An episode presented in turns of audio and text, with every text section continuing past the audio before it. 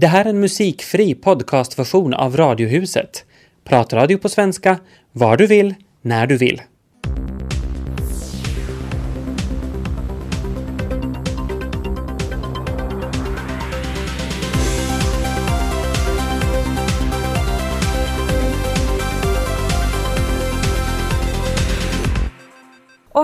Fortsätter nu Radiohuset, liksom kläderna efter julen i lite hopkrympt version. Mm, och vi som håller dig sällskap i Radiohuset under mellandagarna är ju Tina Grönros och eh, jag Peter Falund. Nyåret närmar sig och därmed också alla nyårslöften om bot och bättring, sundare liv och så vidare.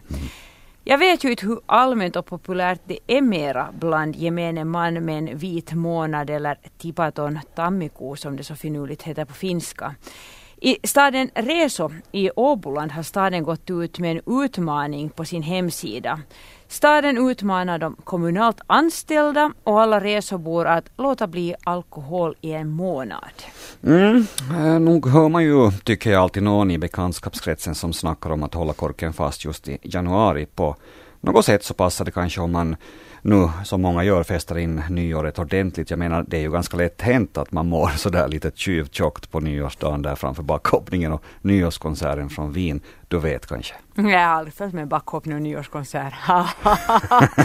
Nåja, att dra ner alkoholkonsumtion eller sluta dricka helt förbättrar sömnens kvalitet och ämnesomsättningen. Man klarar lättare av att hålla vikten och risken för att drabbas av ett flertal allvarliga sjukdomar minskar också. Allt det här låter bra och går att läsa på staden Resos hemsidor. Där man just går med, ut med den här uppmaningen och utmaningen. Mm. Sen är det ju faktiskt fiffigt också att man går lite tidigare i säng överlag oberoende sen om man håller den där vita månaden eller inte. För en tillräckligt lång och helst oavbruten sömn lär ju enligt forskarrön vara det bästa för hälsan oberoende av ålder och alkoholkonsumtion. Mm. Men äh, det här kan vi diskutera någon annan gång. Mm. Det här alltså sömnsvårigheter som jag faktiskt tror att är ett allt mer växande problem idag. Mm. Tillbaka istället till den här vita månaden. Det ska bli jätteintressant att följa med hur pass väl reseborna tar emot utmaningen från stadens sida. På Turun Sanomats eh, diskussionsspalt på nätet så går vågorna redan höga. Många människor tycker att det är svårt att ta emot dylika utmaningar för de tycker att pekpinnen viftar lite för mycket åt stan absolut inte har någonting att göra med vad stadsborna dricker eller inte dricker. Mm. Och då glömmer de ju nog tydligen att det är nog staden som tar emot många smällar när invånarna insjuknar i diverse alkoholrelaterade sjukdomar eller när polisen rycker ut, när de sociala myndigheterna kopplas in eller när folk plåstras om på hälsocentraler efter fyllebruk. Med mera, mm. med mera. Det finns ju hur mycket som helst att berätta om det. Men sen är ju risken alltid med sådana här utmaningar att de som antar utmaningen och håller den här vita månaden oftast är de som inte annars heller är speciellt stora konsumenter. Ja, kanske det. Och, men sen tycker jag också att det är ganska pop bland de så kallade kändisarna också att vika ut sig i pressen med sina vita månader eller månaden och hur duktiga de, de är bara för att ja, återgå till det sjövilda festandet sen första februari. Mm. Inte är det ju det som är meningen. Det ska ju skötas med förstånd och ansvar det här umgänget med kung alkohol hela tiden kontinuerligt. Ja, då tror jag det funkar bäst.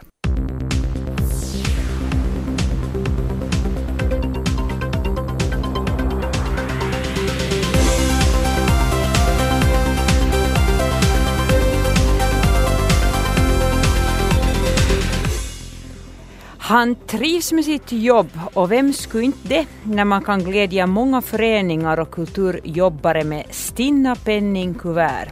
Mats Blomqvist, regionombud vid Svenska kulturfonden, hörs här om en stund. Och de finländska smålejonen kom snabbt igen från den förnedrande 1-8-förlusten mot Kanada i junior-VM. I natt vann de klart över en av förhandsfavoriterna, USA.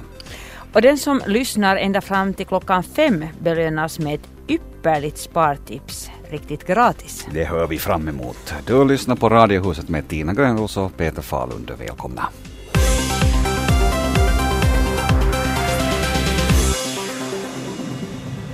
Så måste jag bara få hurra lite för smålejonen, Tina. Mm-hmm. De stod nämligen för en bragd i natt. Det handlar ju då om junior-VM i ishockey som avgörs eh, där borta i Edmonton i spelets hemland Kanada. De slog en av de största favoriterna till mästerskapet, USA, med odiskutabla 4-1. Det är väl skönt? No, visst värmer det också mitt lilla hjärta. Mm. Men är det nu säkert att det är de bästa av de bästa som möts i junior-VM? För när det gäller VM i hockey överlag brukar ju många av världens bästa hockeyspelare vara fast i olika mm. proffsliga spel. Det vill säga de deltar inte i VM överhuvudtaget men ja, hur är det när det gäller juniorer? Eh, det har väl inte alla väl ändå kontrakt med NHL eller? Nej, det har de inte utan de lirar för att imponera eh, på NHL-bossarna som sitter där flockvis på läktarna. Mm -hmm. Och eh, jo, de allra bästa i åldersklassen är med här utan diskussion. Speciellt efter utskåpningen nu med genanta 1-8 mot Kanada i första matchen så var den finska segern i natt viktig. Den alltså matchen mot kanadickerna. Eh, för den var en förnedring i tre akter som heter duga och många hockeyvänner här hemma var redo att kasta in handduken för hela VM efter det. Finland åkte ju dit för att knipa medalj, speciellt som nationens hjälte. Från stora VM i våras, frimärksgossen, luftvävsexekutören Mikael Granlund finns med här i truppen. Dessutom lika lovande lillbrorsan Markus och sådana prospekt som Teemu Pulkkinen och Joel Armia. Nog minns du väl ändå luftväven? Vet du, den glömmer man inte i första taget och 6-1 kommer väl för evigt att finnas inetsat i näthinna. Mm. Just Micke gjorde ett och Mika Salomäki ett medan Armia pressade in två pytsar och eh, de var nattens hjältar tillsammans med målvakten Sami Aito Kallio. Det här var första gången på snart sex år som Smålejonen slog USA och nu går det då igen bra att med tillförsikt se fram emot fortsättningen. Eh, vägen till spel om medaljer ser nu igen mycket möjligare ut. Eh, blir det vinst mot Danmark så borde det garantera den saken. Här hemma fick gamle storspelaren men som tränare oerfarne Raimo Helminen mycket kritik efter den katastrofala Kanada-matchen i förrgår. Idag är vet du, tongångarna helt andra. aj, aj, aj, aj. Mm. Raipe själv är ju inte precis känd som någon pratkvarn, men kanadensisk media tyckte att um, han summerade händelserna bäst då han kort och kraftigt sa It's much nicer to be here today than it was two days ago. Det är alltså mycket trevligare att stå här idag än i förrgår och det kan man nog hålla med om. Oj, oj.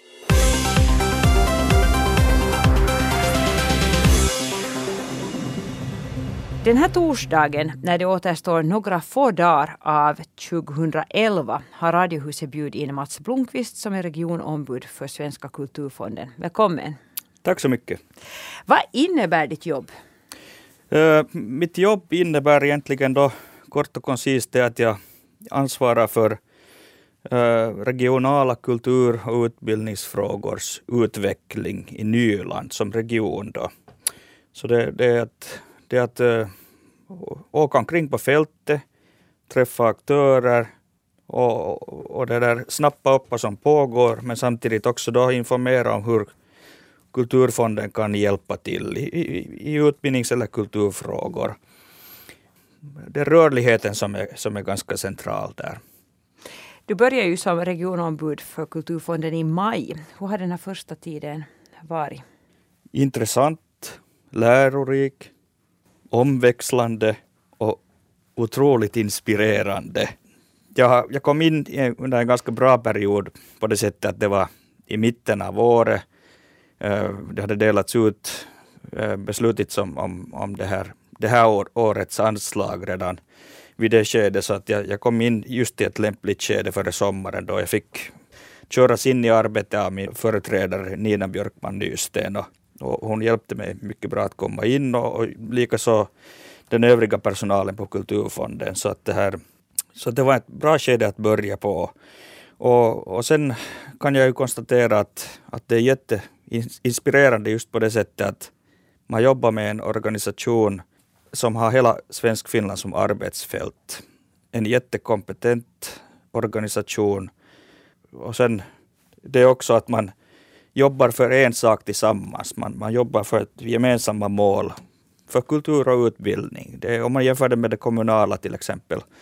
Tidigare så fick man nog kämpa för sin plats med sin lilla budget i stadens enorma budget. Så att det där, det, på det sättet är det intressant att man jobbar för en sak tillsammans. Har det varit något som varit nytt för dig då? Nå, om man nu jämför det med det tidigare jobbet så, så, så man har haft mycket mer tid att bekanta sig med olika former av kultur. Jag har, har, har deltagit i, i föreningars presentationer av, av sin verksamhet och si, mycket föreningsbygdeverksamhet och, och, och det där också allmän kulturverksamhet på flera olika håll. Att, att man har liksom haft tid helt enkelt att, att göra det inom sitt arbete som andra bara hinner med på sin fritid. Att det, har jag, det har varit, varit nytt för mig, även om jag har jobbat inom kulturbranschen länge redan nog. Eller 20 år, är det nu sen länge eller inte vet har du varit med om någon aha-upplevelse?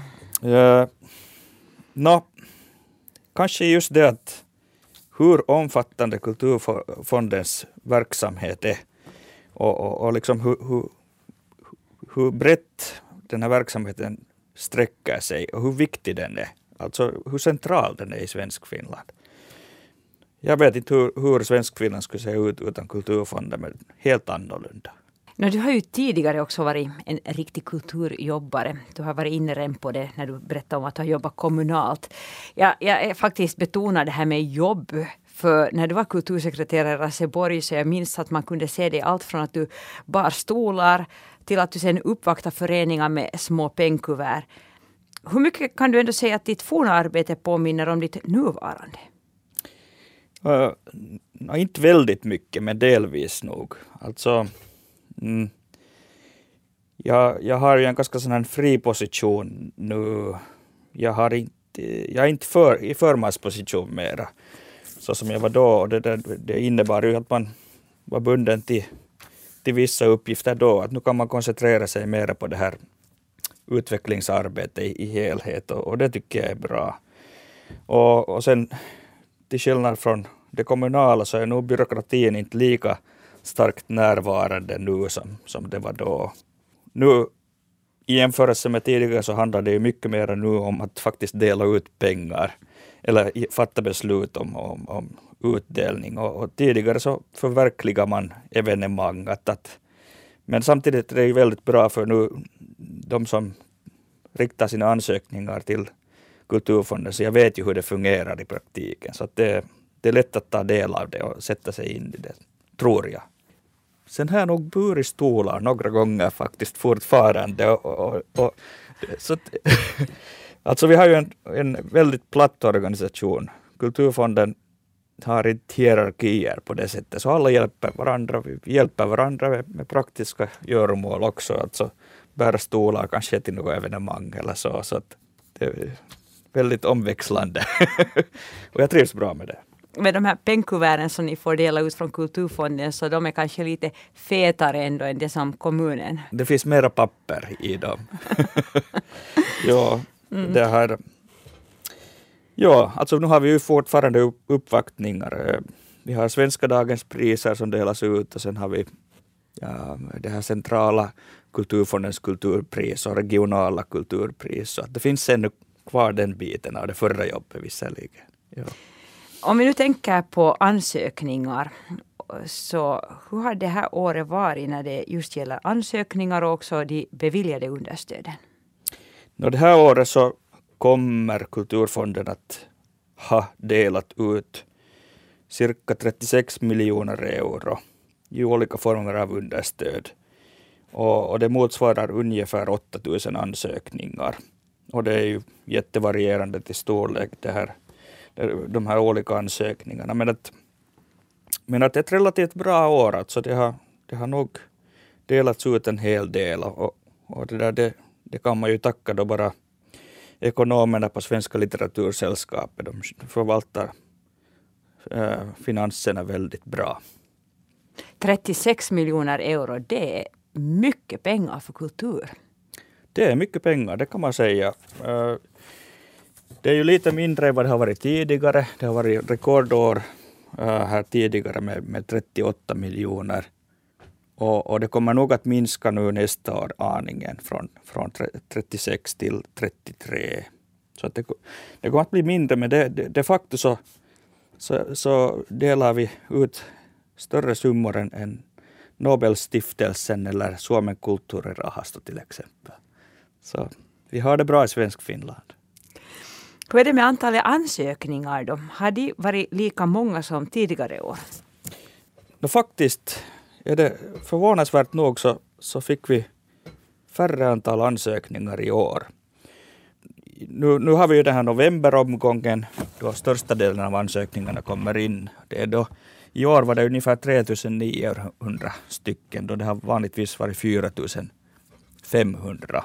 Mm. Så att eh, det stiger ju då nästa år när det kommer sådana fortlöpande ansökningsformer. Men det här det är nog mindre. Och, och, det är ju ganska intressant med tanke på det här ekonomiska läget.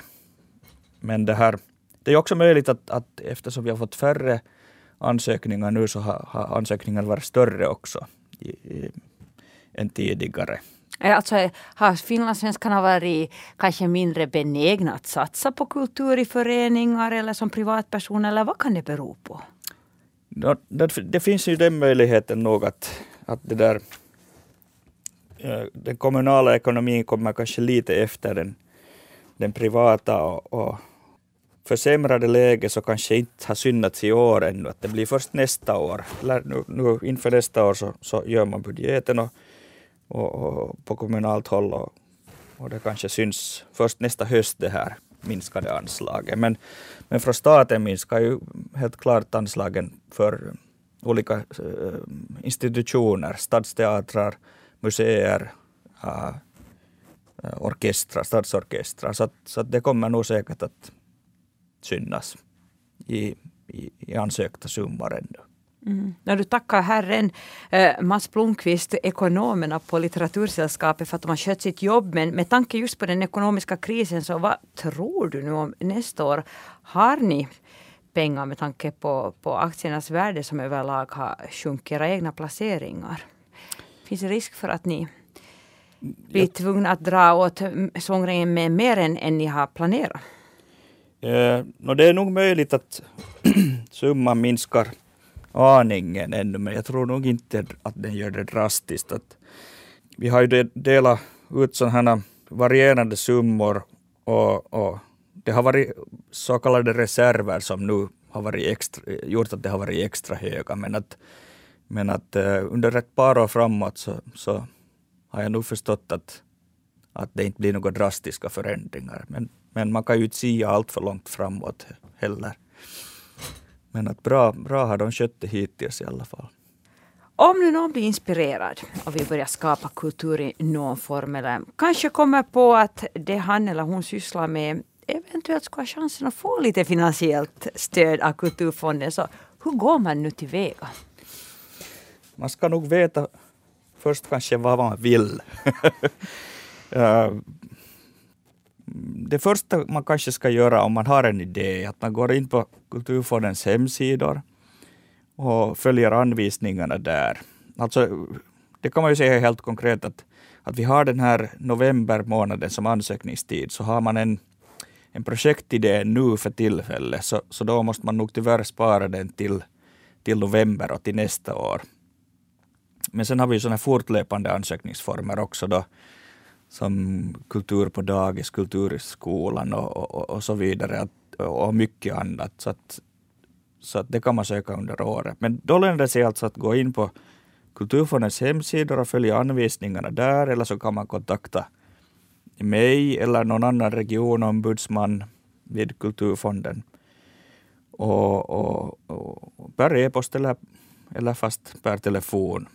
Och, och sen då, när man har gjort det här via Kulturfondens hemsida, då får man ett användarnamn och lösenord och så kommer man då eh, in på sidan och kan börja skriva på den här, den här ansökan. Och man ska ha tänkt ut noggrant då att hur, man lägger upp budget till exempel. Och det ska vara en nollbudget som, som gärna då, där gärna intäkter täcker utgifter. Och sen förhoppningsvis så har man också tänkt satsa något själv på, ett, på en verksamhet eller ett projekt. Att det inte bara då Kulturfonden man förlitar sig på. För att det, då har man större chans att få, få någonting nog också. Ja, det finns en massa olika former. Det enklaste är nog att gå in på Kulturfondens hemsida. Det är ganska tydligt. Men du som journalist så kan ju till exempel då tre gånger per år söka om understöd för fortbildning, studieresor, utomlandsvistelser och allt annat möjligt sånt trevligt. Jag måste genast knacka in mig då märker jag. Mm, skämt åsido, mm, om man vill till exempel bolla idéer med någon som är, är till exempel i regionombud då, sådana fina bollplank, att man kan prata mer att tror ni att en sån här grej skulle funka för svensk Finland till exempel så är det till, till er man i första hand vänder sig? Man kan vända, vända sig till, till oss eller så kan man vända sig till vårt utbildningsombud eller vårt kulturombud eller sen har vi flera projektombud. Det beror lite på vilket syfte man söker för. Men, men vem som helst kan man kontakta så kommer man vidare till rätt person. Vilka kulturformer har högre prioritet? Alltså har ni någon prioriteringslista? Nej. Det är nog ändamålet som styr hur vi delar ut pengar. Att det, det, no det enda man kunde säga är kanske då att, man, att det svenska språket är en sån här central central del då att litteratur och scenkonst på där det svenska språket kommer fram är kanske en sån här sak som eventuellt prioriteras lite. Men, men annars skulle jag nu inte säga ändamålet styr. Finns det något som ni direkt säger nej till? Nå, till exempel då lokalföreningar till centralförbund som vi har avtal med. Då har vi Martaförbundet, Finlandssvenska scouter, Finlandssvenska 4H, Svenska pensionärsförbundet, eh, Finlandssvenska idrott, Pohjola Norden och, och SAMS, ehm, samarbetsförbundet kring funktionshinder. Så de har, de har vi gjort avtal med. Alltså, är man en lokalförening till de här nämnda parterna så, så då ska man rikta sig direkt till dem för att vi beviljar en större summa till de här förbunden. Och, och sen översättningsarbeten till exempel, så, så det, det beviljar vi i regel inte det här understöd för. För att där är det igen det svenska språket. Jag menar, har man en verksamhet som, som man vill ha skrivet på svenska, någonting, så, så det där, det ska man ju klara av. Och sen, eller sen är det en kommunal angelägenhet att man får det faktiskt gjort kommunalt. Är det en fördel om man är ute med hoven för första gången? Nej, Nej. Alltså det är nog ändamålet. Om, om man har en bra plan så, så har det ingen betydelse om man är första gången eller Eller om man är proffs på blankettifyllning. ja, ja, mm. ja. Det borde inte ha någon betydelse. Ja, Mats Blomqvist, om inte Svenska kulturfonden fanns så vad tror du skulle ske med den finlandssvenska kulturen? Ja, inte skulle det se ut så som det ser ut idag. Det, det är jag helt säker på. De här 36 miljonerna har nog betydelse. Ja, det är klart, talkoandan skulle säkert finnas kvar, det hoppas jag i alla fall. Men läget skulle nog se helt annorlunda ut till exempel för kultur och hembygdsverksamhet, läromedel, forskning, eh, utbudet inom eh, utbildningsinstitutioner. Luckorna stöder vi, de skulle inte finnas säkert det skulle finnas färre kulturaktörer, minskade möjligheter till fortbildning inom flera sektorer. Så att, eh, ja, nu ska det ju se dystert ut utan kulturfonden. Säger Mats Blomqvist, regionombud för Svenska kulturfonden med ett leende på läpparna. Tack för att du besökte Radiohuset. Tack. Nu ska jag komma med ett spara pengar-tips. Mm. Mm, och det har jag varit med om själv tidigare idag. Nu blir jag då riktigt nyfiken. Vad har du nu hittat på snålfia? Jeb, jeb. ska du nu säga. Alltså jag är sån där som prenumererar på flera tidningar. Och nu menar jag alltså sådana där mm, vecko eller månadstidningar. Och så har jag bland annat en tidning som följt mig i drygt 20 år som handlar om hem och mat och familj och förhållanden, vardagsekonomi, allt sånt där. Mm. Och den här tidningen kommer som en så kallad fortlöpande prenumeration år efter år utan avbrott och med en räkning som man ska betala en gång i året. Mm. Och på räkningen står det att det är så mycket billigare att ha en fortlöpande prenumeration än en tidsbunden. Mm. Mm. Nå, nu till min poäng. Okej. Den här tidningen har ju varit min trogna följeslagare då i mer än halva mitt liv och har för varje år blivit dyrare och dyrare. Och nu när räkningen kom igår så tänkte jag nej nu får det nog vara nog för 95 euro för 20 nummer.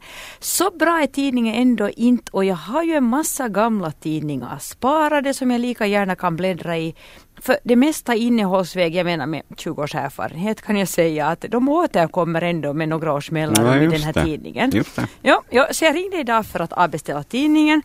För det ska man alltså göra. Man, man ska ringa till kundkontoret när man har en fortlöpande prenumeration. Och då sa damen i kundbetjäningen att ja men vill du fortsätta prenumerationen om vi ger dig 50% rabatt? Alltså, jag ringde för att avboka eller avbeställa min prenumeration och de gav mig genast ett motbud. De drog av hälften av 95 euro. Och här har jag som långvarig prenumerant med fortlöpande beställning trott att jag haft en billigare prenumeration än alla andra. Ja, vad säger man? Hast du mir gesehen? Perfekt. Och jag antar att du förstås nappade på det här. det gjorde jag ju eftersom jag ju ändå sist och slutligen gillar den här tidningen och den har hängt med i mitt liv nästan lika länge som den där egna dagstidningen. Men alla ni som tror att ni har nu förmånliga fortlöpande prenumerationer så nästa gång fakturan ska betalas avbeställ den här prenumerationen fast du egentligen vill ha tidningen. Jag vågar nästan slå vad om en hel del att också ni på momangen får ett nytt mycket billigare erbjudande. Och jag måste faktiskt säga ännu att jag känner mig efter många år som trogen prenumerant blåst. Är det så här man behandlar snälla prenumeranter som automatiskt betalar sin räkning så som jag har gjort, år efter år? Nå nej. Det här var en musikfri podcastversion av Radiohuset som sänds i Radio Vega måndag till torsdag. Mer information om programmet hittar ni på svenska.yle.fi radiohuset.